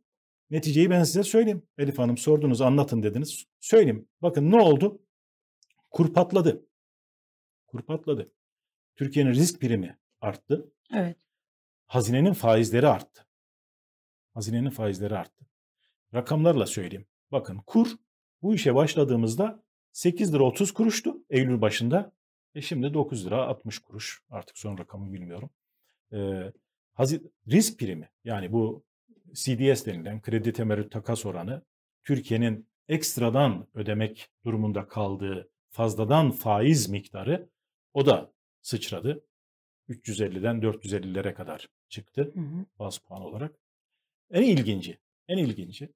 Şimdi siz bu faizi niye düşürüyorsunuz? Hazinenin maliyeti düşsün diye değil mi? Hazine daha ucuza borçlansın diye, yatırımcı daha ucuza borçlansın diye. Şimdi bu işe başlarken hazinenin faizi yüzde 17 idi, 10 yıllık faizi. Şimdi hazinenin 10 yıllık faizi yüzde 20. Bakın siz başladığınızda bu işe Merkez Bankası faizi 19, hazine faizi 17, hazine faizi 2 puan daha düşük. Şu anda Merkez Bankası faizi 16, hazine faizi 20. 4 puan daha yüksek. Siz kime çalışıyorsunuz Allah aşkına? Faiz Hani yok. buradan soralım. Faiz Kime çalışıyorsunuz? Yani sizin hazineye kastınız ne? Hazineye kastınız ne? Bunların hepsi ülkeye maliyet olarak geliyor. Bakın bu maliyeti biz hesaplıyoruz. Bunun net maliyeti yani bu 3 verdiğim 3 rakam var ya.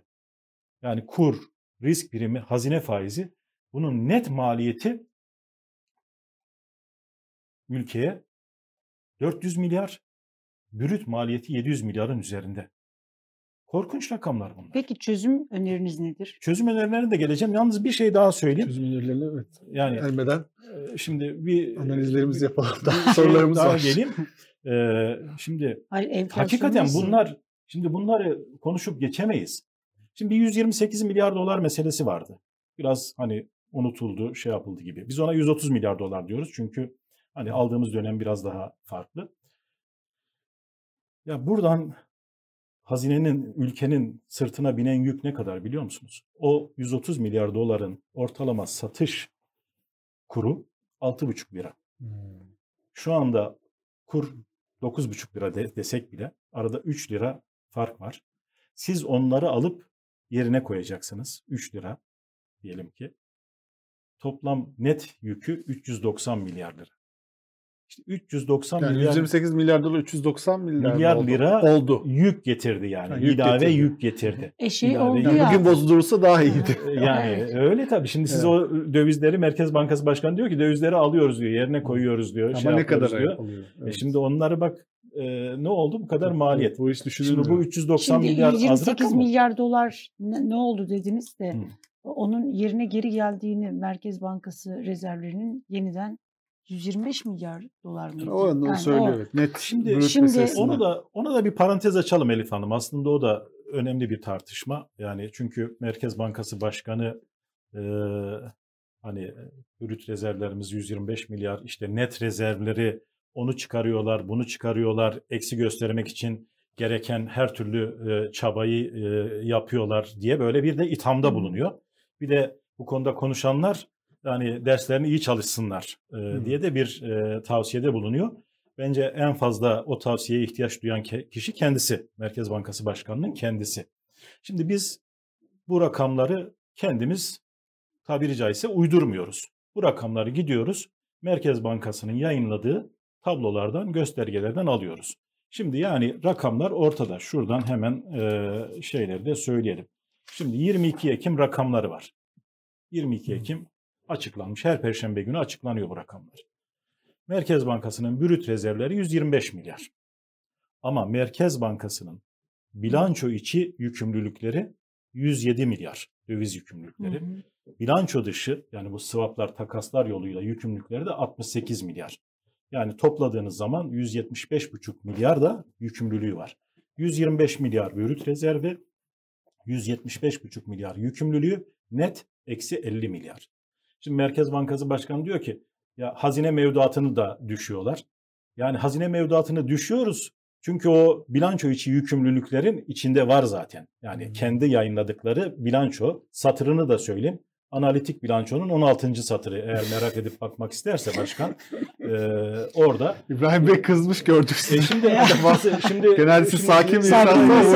Evet e, kızmışsınız. Yani burada kı- kızmamak elde değil. Çünkü Evet. ülkeye hakikaten gereksiz çok ağır bedeller ödetiliyor. Evet, evet. Yani Ve yanıltıcı göre göre bilgiler gerçekten. veriliyor. Yanıltıcı bilgiler veriliyor. Bunlar doğru şeyler değil.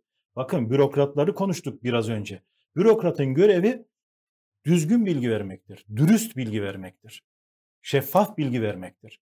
Eğip büyümemektir. Şimdi siz çıkar e, işte hazinenin mevduatını düşüyorlar. Düşüyoruz çünkü senin net hem sen zaten bilanço içi döviz yükümlülüklerinde onu gösterdiğin için düşüyoruz. Hem senin net durumunu görmek için zaten bunu düşüyoruz. E şimdi hazinenin mevduatını kendi şeyin gibi, varlığın gibi görürsen o zaman ben de sana sorarım. Sen hazinenin yükümlülüğünü de kendi yükümlülüğün gibi görüyor musun? Hazinenin 143 milyar dolar döviz cinsi yükümlülüğü var. İç ve dış. Sen bunu da rezervinle netleştiriyor musun?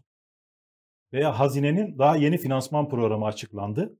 Önümüzdeki yıl 20 milyar dolara yakın döviz cinsi servisi var. Borç servisi var. İç ve dış. Onu da sen ödeyecek misin? Kendin ödeyecek misin? Hazine o mevduatı orada tutuyor. Kendi yükümlülüklerini yerine getirmek için tutuyor. Hazinenin e, orada e, şeyi değil ki sana bir bağışı değil ki o. Evet. Yani dolayısıyla e, bu tabloyu netleştirelim. Yani Merkez Bankası'nın rezervleri çarçur edilmiştir. Milletin sırtına ağır bir yük yüklenmiştir.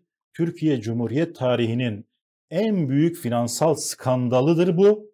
Finansal skandalıdır bu. Ve Merkez Bankası rezervleri eksiye düşürülerek Türk lirası korumasız duruma düşürülmüştür. Bir şey sormak istiyorum şimdi. Siz göz göre göre e, bu karar alındı ve enflasyon işte Evet. yükseldi e, ve rakamlar hepsi bozuldu diyorsunuz. E, bunu yani herkes artık hani sizin gibi işte yıllarca hazine müsteşarılığı yapmaya da gerek yok. Artık bunu herkes böyle sosyal medyada bile insanlar söylüyordu yani bu eğer düşürülürse enflasyon yükselecek diye. Ee, ne niye bunu göze alıyorlar? Sonuçta onlar da bunu biliyorlar herhalde. Hani enflasyon, faiz şeyine hani Cumhurbaşkanı belki inanıyor olabilir de. Yani bu bürokratlar, e, bu Merkez Bankası yöneticileri bunlar herhalde öyle olmadığını herhalde biliyorlar. Burada bir e, bir plan mı var? Yani bir şey yani enflasyon yükselmesini ne uğruna göze alıyorlar? Bu ne işlerine yarıyor mesela? Böyle bir burada bir rasyonelite var mı? Siz ne görüyorsunuz? Yani bu da tabii çok soruluyor Yıldıray Bey. Şimdi bu adımların tabii birkaç tane gerekçesi olabilir yani arkasında. Tabii bu son e, kararlarla ilgili biliyorsunuz Sayın Cumhurbaşkanı kendini çok aşırı bir şekilde bağladı. Evet. Hatırlarsanız böyle Mayıs gibiydi falan. E, işte bir televizyon programında dedi ki Merkez Bankası Başkanımla görüştüm dedi. E, işte enflasyon faizi de düşürmek gerektiğini söyledim. O da bana Temmuz Ağustos gibi e, bunun mümkün olacağını söyledi. E şimdi tabii Temmuz geldi bir şey yapamadılar. Ağustos geldi bir şey yapamadılar. Çünkü enflasyon artıyordu. Hı hı. E şimdi Eylül'de artık tahammül sınırına geldi. Şimdi Eylül'de bir şey yapmaları gerekiyordu. Onun için kılıf aramaya başladılar. Yani kılıf aramaya başladılar. Acaba hangi gerekçeyi, hangi kılıfı göstererek bu faiz düşürümünü, indirimini sağlayabiliriz? İşte orada da bir tabii e, çekirdek enflasyon kılıfını buldular. İşte biz toplam enflasyona, manşet enflasyona bakmayalım da çekirdek enflasyona bakalım. Çekirdek enflasyonun da en düşüğünü alalım. Hatta halk için en anlamsızını alalım. Vatandaşımız için en anlamsızını alalım. Bakın işte orada e, işte o zaman %16 civarındaydı, 16,5 civarındaydı. E, bakın işte biz de faizi aşağıya çekebiliriz 19'da kalmasına Yani gerek yok. Cumhurbaşkanı dediğini yapabilmek için Bir, böyle birincisi şey aradılar. birincisi buydu. Bir kılıf arandı. Tabii o kılıf tamamen e, gerek geçersiz, tutarsız, açıkçası basiretsiz bir kılıf. Onun altını çizelim çünkü bu yanlışlıkların arkasında da o var.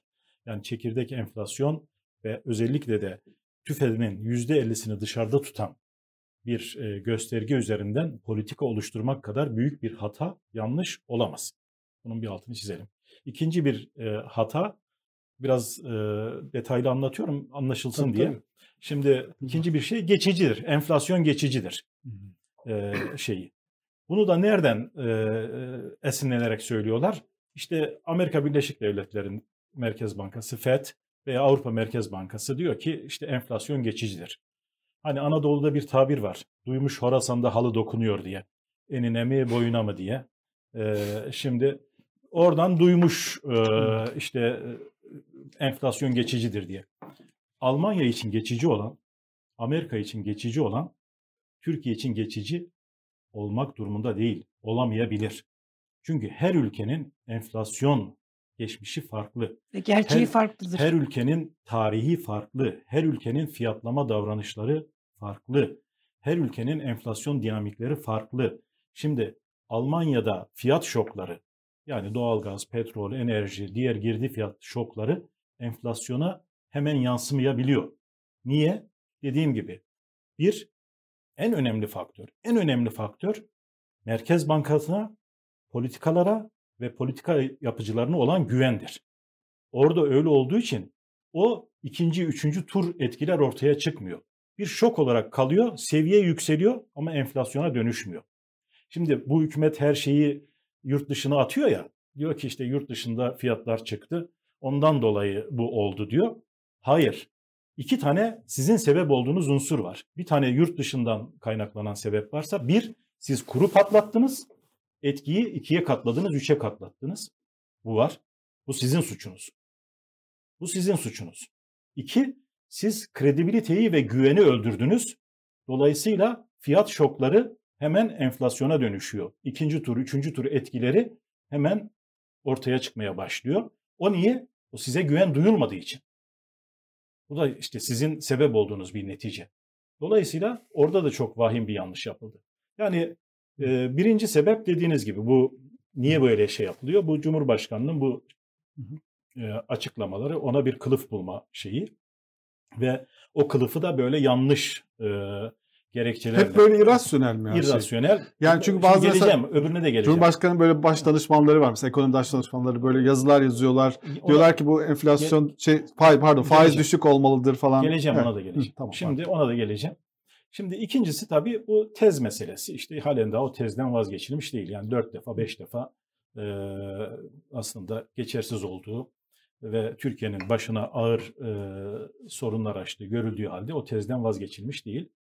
Bir de üçüncüsü, şimdi hani bir de e, bu hükümet şey bulmakta mahir. Hani e, mazeret bulmakta mahir.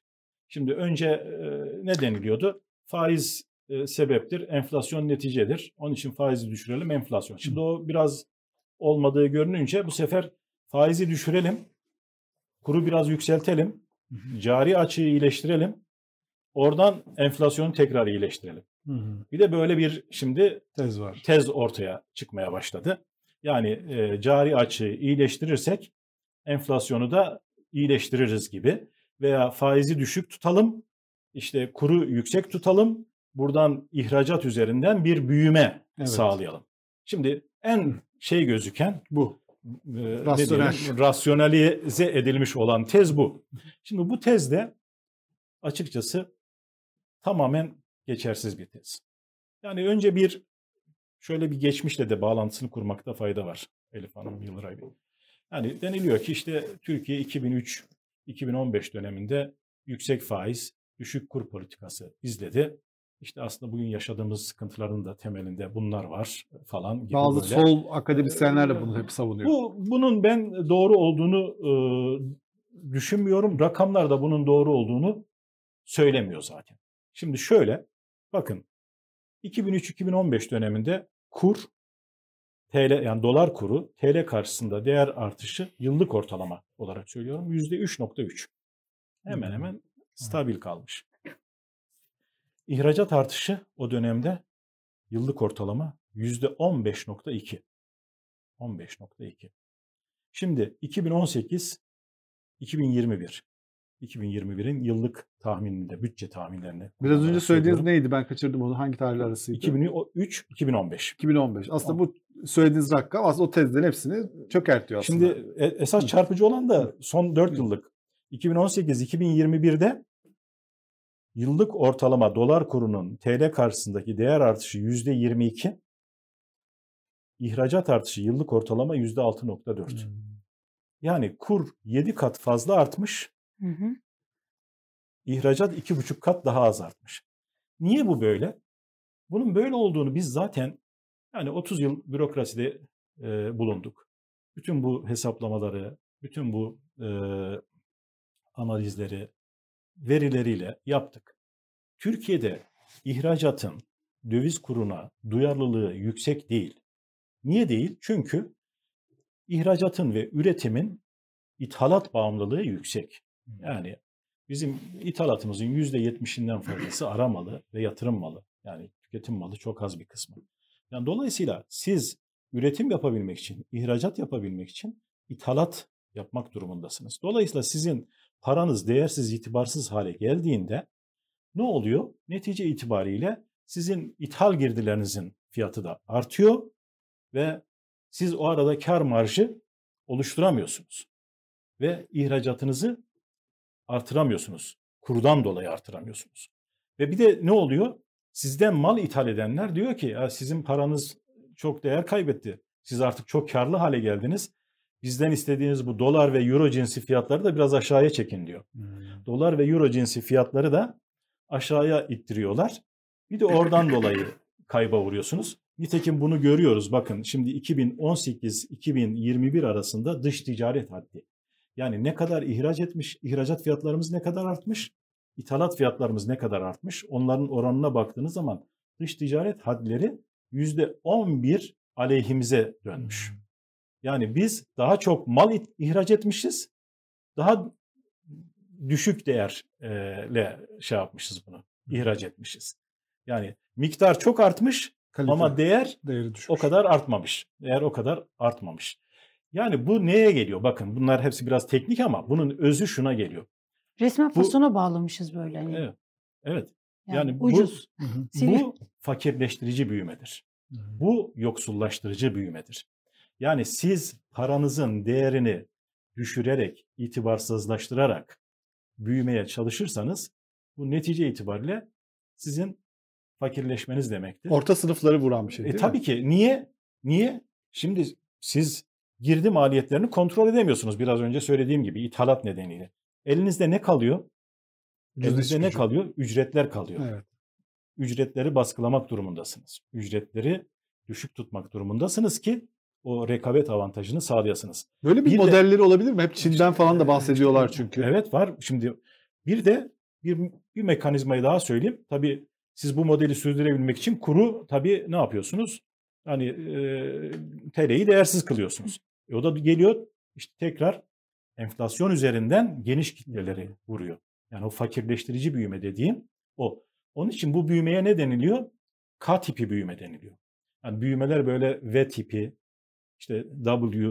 V tipi, Grafiğine U tipi, göre mi? L tipi. Şimdi K tipi büyümede bir kısım sektörler böyle yukarıya doğru gidiyor. Bir kısım e, halk şey toplum kesimlerinin refahı yukarıya doğru gidiyor.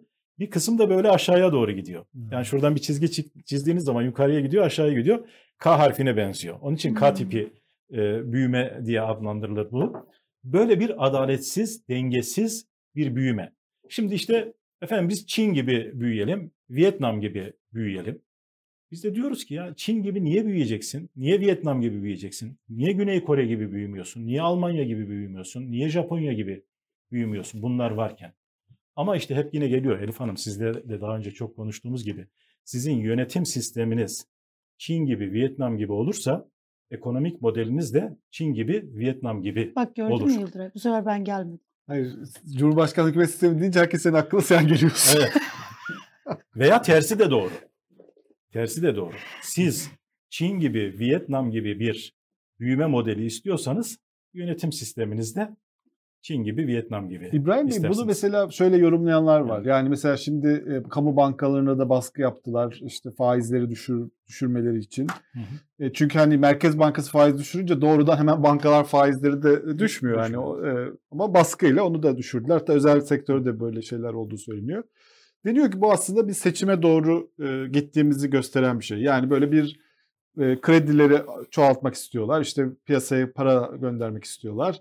Biraz da bu ihracatı arttırarak bir e, burada bir üretim şeyini arttırmak istiyorlar. Biraz insanlar iş sahibi olsunlar, iş gücü artsın isteniyor e, deniyor. Zaten hani bu orta sınıfla da epeyce bir uzun süredir şeyini koparmış durumda iktidar. Yani onları ikna etmeye falan çalışmıyor. Onlar biraz sizin seçmen kitlenize giriyor orta sınıflar.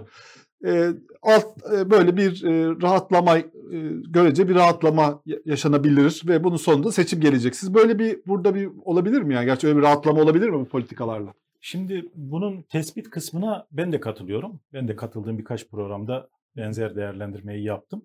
Çünkü strateji böyle kurgulanmış gözüküyor. Yani Yani strateji seçim. Yani evet strateji şöyle. Yani Merkez Bankası faizlerini aşağıya çekelim. Kamu bankalarını faizleri aşağıya çekmek için zorlayalım. Ondan sonra özel bankaları, kamu bankalarını takip etmek için baskılayalım. Buradan e, bir şöyle geçici bir cennet havası oluşturalım. Bir pencere e, oluşturalım. Bu arada biraz işte ücretlere ve diğer gelirlere de e, işte artışlar yapalım. Şimdi onun da biraz e, açıkçası e, propagandasını yapıyorlar. İşte asgari ücrete tarihi Evet. en yüksek zam göreceğiz hani ne yapılacağını falan. Diğer e, e, O zaman bu da görürsek gelir- artık seçim Evet. geliyor demek. gelir unsurlarına yönelik zamlar. Burada bir böyle geçici bir hava oluşturalım, bir şey havası oluşturalım. Mutluluk, refah, e, iyileşme havası, algısı oluşturalım. Bir pencere açalım, oradan erken e, seçime gidelim e, gibi bir yaklaşım olabilir. Açıkçası ben bu son adımlardan sonra bunun e, mümkün olduğuna ve böyle bir Hmm. strateji olduğuna daha fazla e, kanaat getirmiş durumdayım, öyle diyeyim. Ama bu sürdürülebilir bir strateji değil. Çünkü bunu böyle Ne kadar zamanda seçim yapmaları Ne kadar gerekiyor? kurtarırlar bu, bunu. bu, Evet, bu, yani. bu böyle hani diyelim ki bir yıl, e, iki yıl sürdü, bir buçuk yıl yani seçimi normal zamanında yapmaya el verecek bir strateji değil. Çünkü bu denenmemiş bir strateji de değil. Hani Yıldır abi, Hmm. Elif Hanım. Daha önce ne Çünkü zaman? daha önce yaptılar zaten. Yok şeyde Ha, de evet. yaptılar. 2019 Evet, evet, evet, 2020'de doğru. de yaptılar. Evet. Yani orada da yine faizi baskıladılar. Orada da kamu bankalarına faiz düşürdüler. Orada da özel bankaları işte bu strateji niye sürdürülemez, sürdürülebilir değil? Birkaç nedenden dolayı sürdürülebilir değil. Çünkü bir, tabii hemen bu stratejiyle beraber doğal olarak işte e, cari açık üzerindeki baskı da artıyor. Tam tersine, düşünüldüğünde tam, tam tersine baskı da artıyor. E, ikincisi, tabii bu strateji gelir dağılımını bozan, Hmm. yoksullaşmayı artıran bir strateji.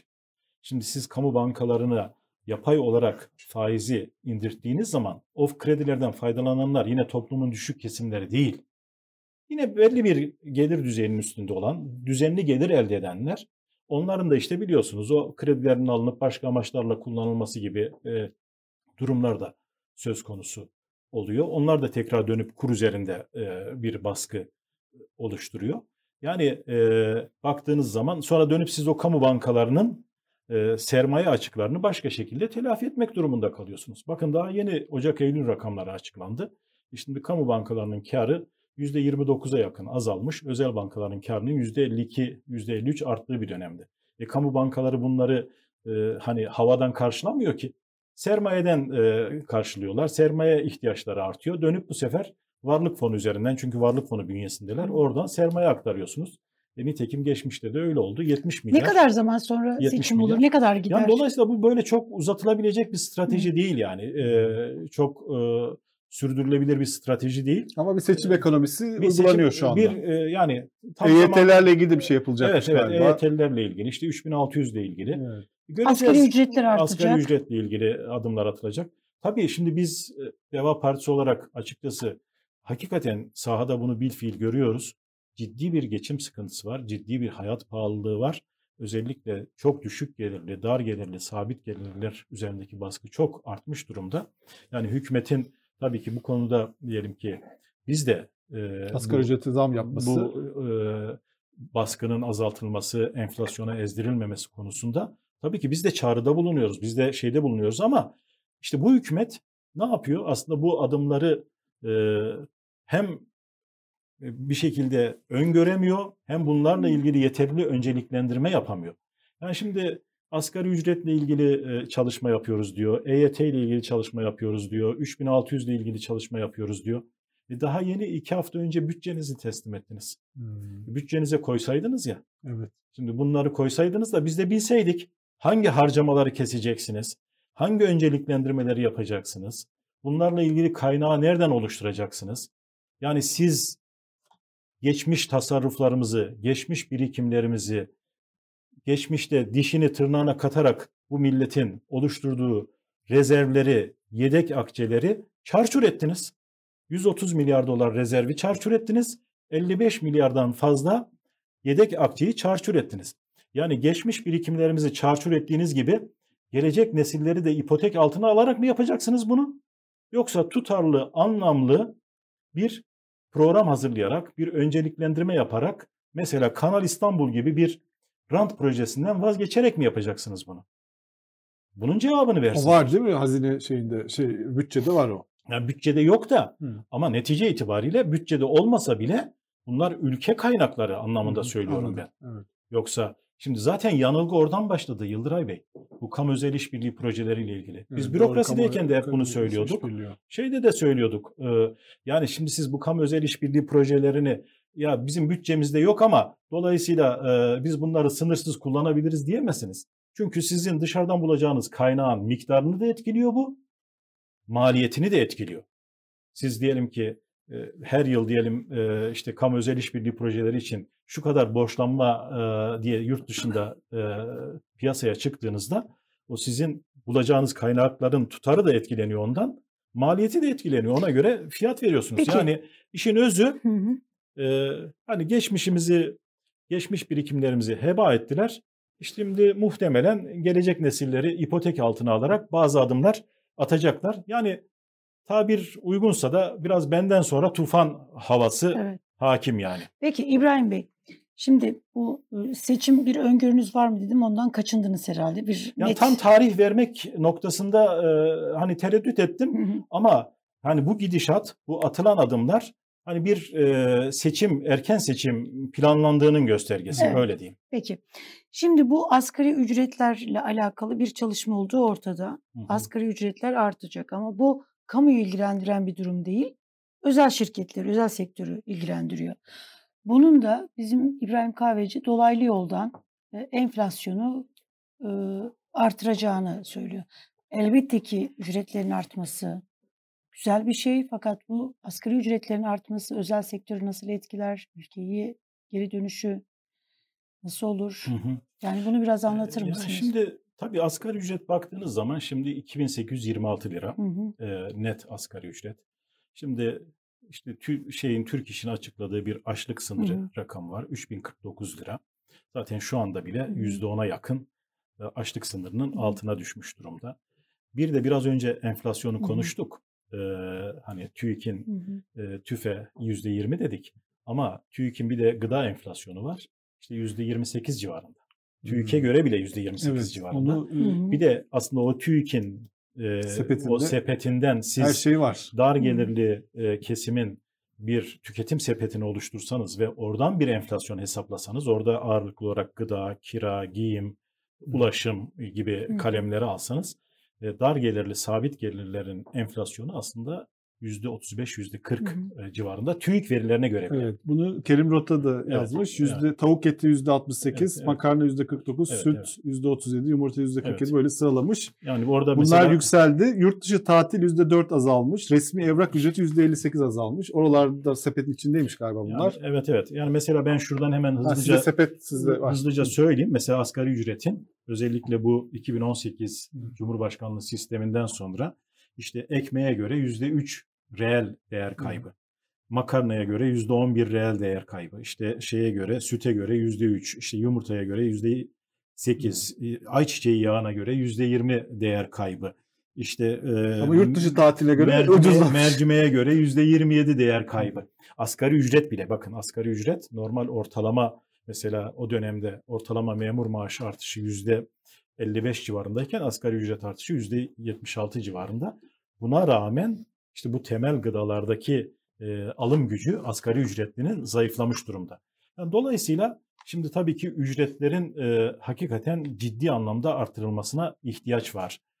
E, ve asgari ücret de aslında bir anlamda ortalama ücret haline gelmiş durumda. Öyle evet. Yani şimdi e, sadece toplumun e, işte yüzde beşi, yüzde onu asgari ücret e, alıyor olsa gelişmiş batı ekonomilerinde olduğu gibi e, hani e, farklı bir tablo olurdu. Ama yüzde kırk, yüzde elliye yakın e, kesim asgari ücret ve komşuluğunda diyelim. Doğru. Birazcık üstünde hani 3000 olduğu zaman asgari ücret gözükmüyor ama ne olacak işte asgari ücret halen de açlık sınırının altında. Dolayısıyla burada ciddi bir iyileştirme yapılması gerektiği çok açık.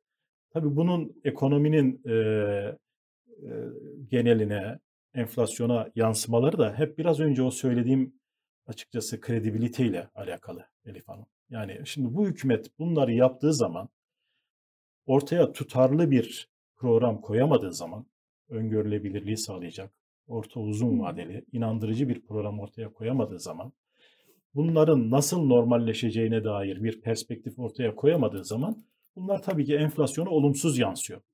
O ücret şokları. Onu biraz önce söyledim ya. Şimdi Evet. şeye e, enflasyon geçici olup olmayacağı. Şimdi bu Almanya'da da mesela şimdi tartışılıyor ücret meselesi. Orada da mesela e, işte işçiler daha yüksek ücret istiyorlar. Ama bunun enflasyona yansıması bizdeki kadar olmuyor. Niye olmuyor? İşte orada biraz önce söylediğim gibi kurumlara olan güven, politikalara olan güven, orta vadeli e, görünümü olan güven güçlü olduğu için bu tür olumsuzluklar yaşanmıyor. Burada sorun o. Onu görmek lazım. Yani bunu diyelim ki yarın bir Deva Partisi iktidarı olsa, Deva Partisi iktidarı olsa ortaya dört başı mamur bir program ortaya konulduğunda kredibilitesi yüksek kadrolarla bu program icra edildiğinde bu tür artışların, bu tür iyileştirmelerin enflasyona yansıması çok çok daha sınırlı olur.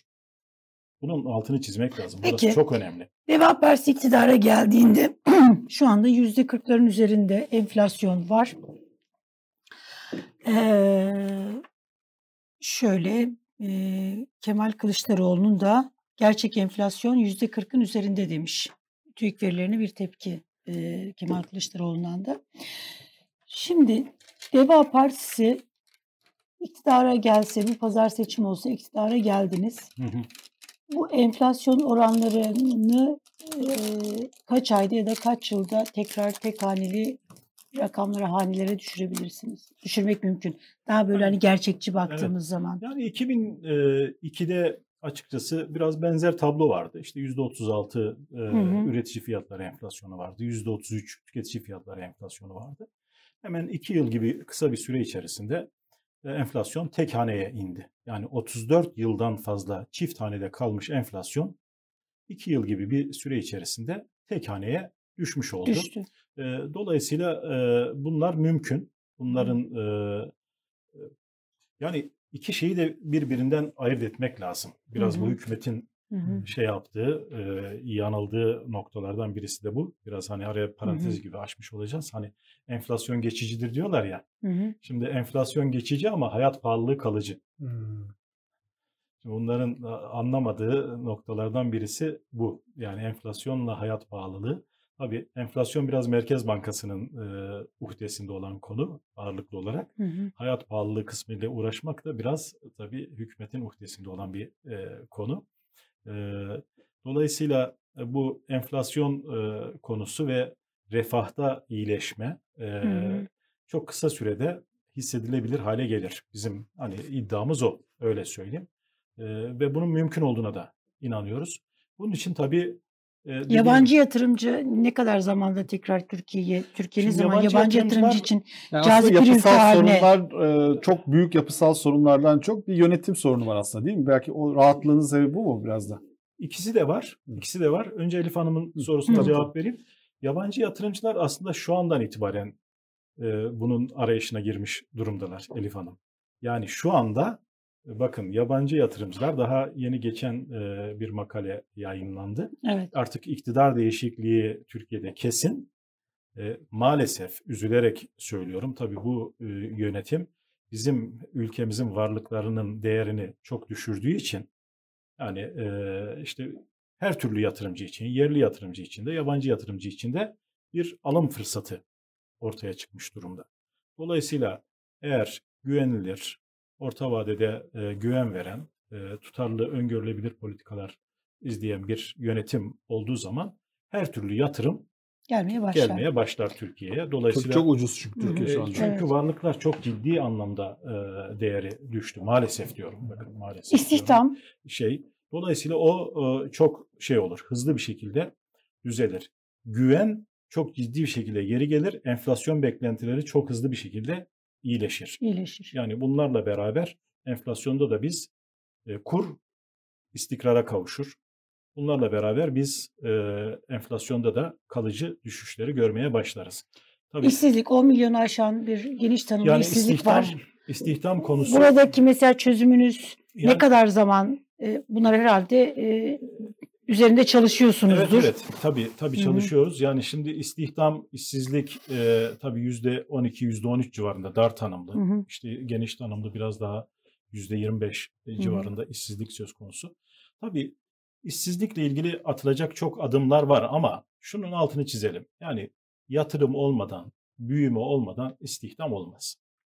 Yani elbette ki aktif iş gücü politikaları dediğimiz yani iş Kamu. gücünün. Becerisini e, yükseltmek, iş gücünün niteliğini yükseltmek, ara eleman ihtiyacını karşılamak, teknik eğitimi iyileştirmek, mesleki eğitimi iyileştirmek, iş ve işçi bulma kurumu ile ilgili e, işte atılacak adımlar, e, bunlar önemli.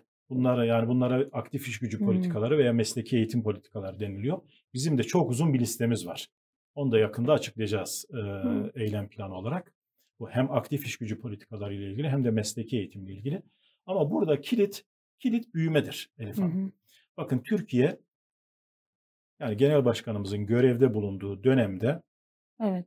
2003-2007 ve 2010-2015 arada iki yıl yok Hı hı. ekonomide. Bu dönemde ortalama %7,3 büyüme gerçekleştirmiş. Bakın hangi dönemi alırsanız alın geçmişte bir rekor büyümedir bu. Hı hı. Yani rekor büyümedir. %7,3 büyüme. Yani dolayısıyla siz eğer tekrar böyle %7'ler ve üzerinde bir büyüme e, ivmesi yakalayabilirseniz işsizliği de süratle aşağıya doğru çekersiniz. Bu büyüme ivmesinin o biraz önce söylediğim politikalarla da desteklenmesi lazım. O Evet. konuda da bizim programımız hazır. Ama tabii ki yani işsizlik ve bu yoksullukla ilgili e, konular biraz iktisatta geriden gelen göstergeler denilir. Yani Evet. bir öncü göstergeler vardır böyle ekonomide. Bir böyle eşanlı göstergeler vardır. Biraz da böyle geriden gelen. Yani bunların bozulmalarını fark etmek de biraz zaman alır. Yani mesela enflasyon gibi değildir yani işsizlik, yoksulluk mesela. Enflasyonu hemen görürsünüz. Çünkü her ay açıklanır. İşte işsizlik biraz daha böyle zamanla işsizliğe yansır. Onun için bunların iyileşmesi biraz daha e, tabii ki vakit alabilir. E, ama bunlar da bir iktidar dönemi içerisinde öyle söyleyeyim. Çok iyi e, ve çok kalıcı iyileştirmeler e, mümkün bunlarda. Naci Ağbal'ı soralım mı Yıldıray? Tabii. Yani Naci Müşavir Ağbal olarak- ismi dün Evet. bir böyle heyecan yarattı. Piyasalarda hemen böyle Müşavir. bir müşavir oldu. Sonra tenzili rütbe olarak filan adlandırıldı ama piyasalarda böyle Naci Abal ismini görünce dolar bir böyle işte 9.46'ya kadar indi. Sonra bir anlaşıldı ki aslında bütün Merkez Bankası başkanları sonrasında müşavir olarak devam Kanuni bir ederlermiş. şey herhalde değil mi? Kanuni Evet, bir şey. evet. Onu tam Bu da- anlatabilir misiniz? Evet, ya? bu da anlaşılınca tekrar dolar için. yeniden çıktı. Bürokraside Evet. ne demek Evet. diye. Şimdi şöyle bu e, Merkez Bankası Başkanı veya Bankacılık Hı hı. Düzenleme Denetleme Kurumu'ndaki görev alanlarla ilgili biliyorsunuz e, bir görev yasağı söz konusu oluyor. Yani Evet. Bankacılık Düzenleme Denetleme Kurumu'nda e, görev aldıysanız ayrıldıktan sonra mesela sektörde görev alamıyorsunuz belli bir süre. iki yıl. Bu diğer kurullarda da geçerli bu. Diğer üst Hı hı. e, kurullarda da geçerli. Neden? Yani çünkü bir çıkar çatışması olmasın diye. Hı hı. İçerideki bilgileri Yani siz e, daha yeni ayrılmışsınız. Oradaki bilgileri kullanabilirsiniz. Veya orada iş bulmak umuduyla içerideyken e, etki altında kalabilirsiniz gibi böyle açıkçası o bankacılıkla ilgili o düzenlemeyi de yine bizim e, bulunduğumuz dönemde e, onlar e, şey yapmıştı, e, mevzuata konulmuştu. Bu doğru bir şey. Evet. Yani bir kişinin çalışmasını yasaklıyorsanız o kişiye tabii ki e, Para vermeniz. yani ücretini gelirini gelirini vermeniz lazım. Bu da müşavirlik oluyor. Şimdi dolayısıyla Merkez Bankası e, Başkanı maaşı e, ödeniyor e, belli bir süre, iki yıl süreyle hatırladığım kadarıyla. Ama Aynı burada, maaşı mı alıyor? Yani tam birebir e, aynısını mı alıyor? Bazı e, hani özel hiz- Ne taz- tazminatlar Bankası oluyor Elif. Hanım. Az mı? Merkez Yani Bankası bir- Başkanı da az bir iş değil yani. Elif lütfen artık. Ama işi bırakıyorsun. artık. Hayır işi bırakıyorsun iki yıl Ama daha iki maaş yıl al. başka yerde çalışamıyorsun. Yasak. Kanunen Evet. yasak. Ne yapacaksın? Hani aynı maaş şöyle bazen e, kamuda şöyle özellikle üst düzeyde şey vardır. Bir maaş vardır bir de öyle özel hizmet Çift maaş yok azından. makam Tek maaş tazminatı var. gibi şeyler vardır. Bil fiil görevde bulunduğunuz zaman alabildiğiniz şeyler vardır. Onu belki o bil fiil görevde bulunduğun e, zaman aldığı e, ek ödemeleri, tazminatları Evet. almıyor olabilir. Ama yine iyi bir e, maaş aldığı söylenebilir yani öyle Olsun diyelim. yani, şey E, o çünkü çok yanlış bir şey değil açıkçası. Yadırganacak bir şey de değil. Ama burada anladığım Yok kadarıyla yadırgamadım Naci, da bir güzel geldi böyle. Evet. Yani.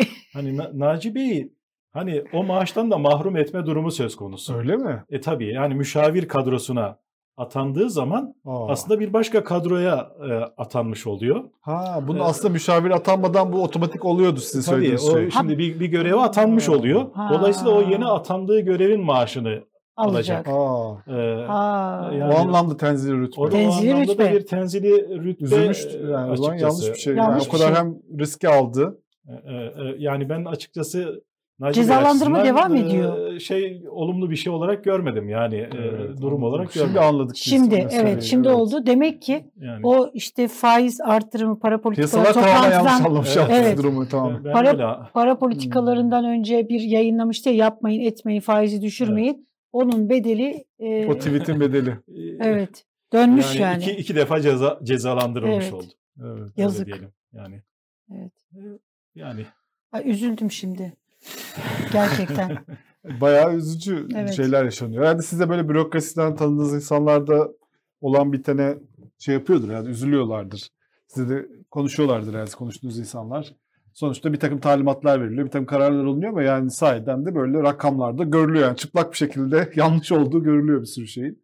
Herhalde insanlar bunları uygulayan insanların da bir kısmı yaptıklarına o kadar memnun değillerdir E, herhalde. Kesinlikle değil tabii. Kesinlikle değil. Yani e, herkes gerçekten e, özellikle tabii kendini böyle çok tabiri caizse Kaptırmamış. kaptırmamış olanlar tabii yanlışlıkları görüyorlar. Hani biraz önce göz göre göre dedik ya göz göre göre e, yanlışların yapılmasından tabii herkes vicdanen de aklen de e, ızdırap duyuyor. Yani bu gayet gayet normal. Hani e, onlar da tabii bazı hususları e, bizlerin dile getirmesinden eminim şeydir, memnunlardır. Hani ben prensip olarak, prensip Hı. olarak genel başkanımız da öyle, ben de öyle. Yani bütün e, konuştuklarımızı açık kamu kaynaklarından e, konuşuyoruz. Yani benim mesela hazineye gelmiyor. hazinede bir arkadaşa telefon edip de bir ilave bilgi istemem veya e, şey yapmam kesinlikle söz konusu değil. Hiç kimseyle de e, bugüne kadar görüşmedim. E, yani e, öyle bir e, şey tercih etmedim. Siz arayanların telefonuna cevap veriyorsunuz. Veriyorum tabii cevap eğer arayanlar olursa cevap veriyorum ama ben bizatihi Anladım. yani e, görevde olan hiçbir arkadaşımla e, konuşmadım bugüne kadar. Zaten e, neyin nereden alınması gerektiğini e, bildiğimiz için açık kaynaklardan e, hani bilgileri, verileri derleyip analizlerimizi yapabiliyoruz. Ama ben hani görüyorum arkadaşlar da hakikaten özellikle tabii hazine gibi, Merkez Bankası gibi, Devlet Planlama Teşkilatı gibi, e, yani Maliye Bakanlığı Hı gibi hı. bunlar hani çok köklü kurumlar. Evet. Buray Bey. Yani şimdi benim en çok üzüldüğüm Çok da mesela Merkez- prestijliydi. Ben de üniversitede Merkez Bankası, girmek yani istiyorum. Merkez Bankası'nın hakikaten e, hani bu duruma düşmüş olması yani mesela bir açıklama yayınladılar. Yani bu para politikası kurulu e, Ekim şeyinden sonra bir açıklama yayınladılar. E, yani ben açıkçası üzülüyorum bu arkadaşlarımızın durumuna. Yani böyle bir tabloyla karşı karşıya kalmalarına. Bu kadar kendi içerisinde tutarsız. Ne var açıklaması sizin şey yaptığınız? Öyle uzattığınız açıklama. Hayır, Kimin hayır. adına Yani, üzülüyorsunuz bunu alayım. hani- Merkez Bankası Başkanı'na mı üzülüyorsunuz? Yok, yok. Açıklamadaki tutarsızlıklara. Yani açıklamadaki tutarsızlıklara ve bu bunları kaleme almak durumunda kalan Arkadaşlar. arkadaşlara üzülüyorum. Yani çünkü yani şimdi bir taraftan e, Kim kaleme alır genelde bu metinleri? Merkez Bankası Başkanı almaz mı? Hayır orada mesela bir kadro vardır. Mesela işte Hakan Kara e, biliyorsunuz Eski baş- e, Evet. eski e, baş ekonomist. Şimdi Hakan Kara bu e, Ekim e, kararından sonra dedi ki 16 yıl dedi ben para politikası kurul metinlerini kaleme aldım dedi. Karar metinlerini kaleme aldım. Hayatımda hiç bu kadar e, hani tutarsız bir metin görmedim diye. Ben de 11 yıl tabii para politikası kurul toplantılarına katıldım. Yani hazine müsteşarlarının böyle bir imkanı var, yetkisi var, hakkı var daha doğrusu yetkisi demeyelim de hakkı var.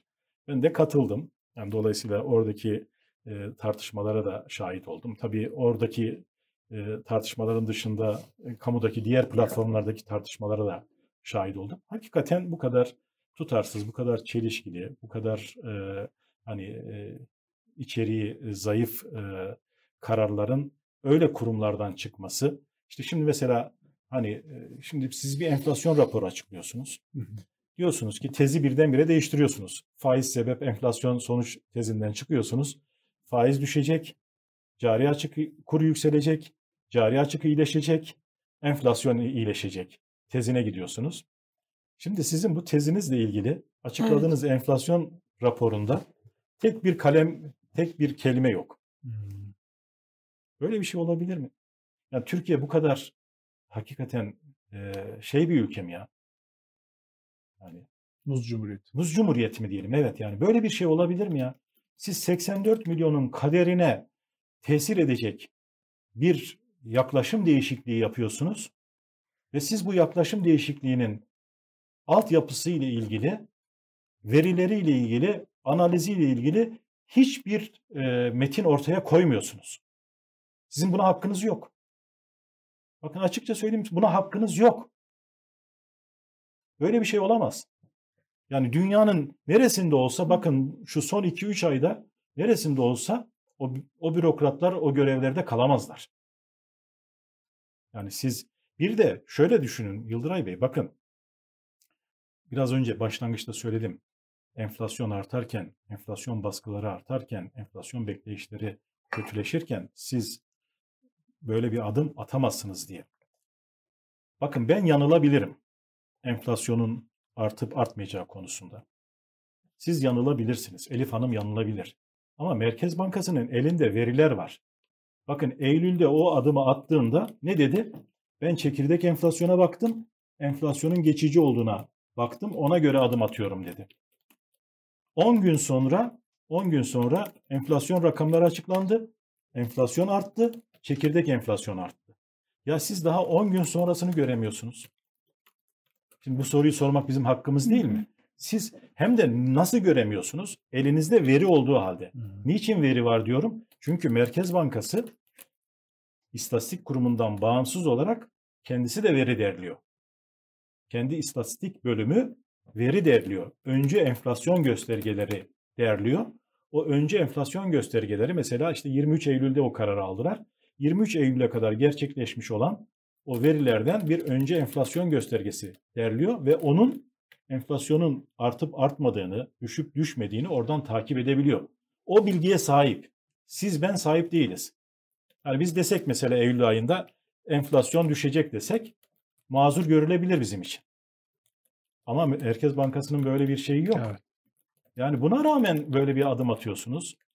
Ve buna rağmen kurları patlatıyorsunuz, risk, risk primini patlatıyorsunuz, hazine faizlerini patlatıyorsunuz. Bu topluma büyük bedeller ödetiyorsunuz. Ondan sonra da e, işte e, Merkez Bankası'nın e, işte e, itibarını korumak lazım, eleştiriler yapmamak lazım diyorsunuz.